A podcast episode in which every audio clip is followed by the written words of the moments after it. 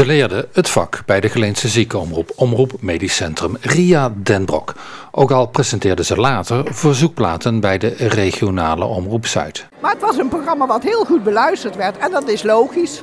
Want uh, heel veel zeiden dan, ja dat ligt aan jou. Ik zeg, dat ligt niet aan mij. Dat is gewoon het systeem van het programma. Mensen vragen een stukje muziek aan voor de een of ander die jarig is of die een feest heeft. En die, die horen hun naam op de... Op, en ze horen ook nog het muziekje. Wat ze graag wilden horen. Dus dat, uh, dat is niet allemaal voor mij. Want dat Toch? Zou dat nu nog passen op de radio, een verzoekplatenprogramma? Ik denk het wel, want het draait nog steeds bij uh, L1, moet ik nu zeggen.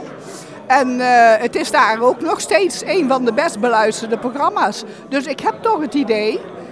Maar ja, kijk, je hoeft het niet altijd zelf helemaal mooi te vinden. Dat had ik ook niet. Ik wil, vind ook, vind, vond ook niet alle muziek die ik draaide van mezelf mooi. He, er was een hele hoop bij dat je dacht, alweer die of alweer zus, weet je. Maar ja, dat hoort bij het programma. Mm -hmm.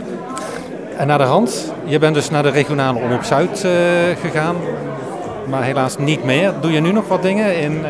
Ik heb, uh, ik heb drie namen meegemaakt. Ik heb de ROZ nog meegemaakt. Ik heb Omroep Limburg meegemaakt en ik heb L1. En ik ben toen verhuisd naar Os in Brabant. En daar ben ik nog wel wezen kijken bij de lokale omroep. Maar nee, dat was toch niet mijn dingetje. En jij zei, je vond het eigenlijk leuker bij de OMC. Wat maakte het leuker bij Omroep Medisch Centrum? Het was veel vriendschappelijker onder elkaar. Veel leuker samenwerken.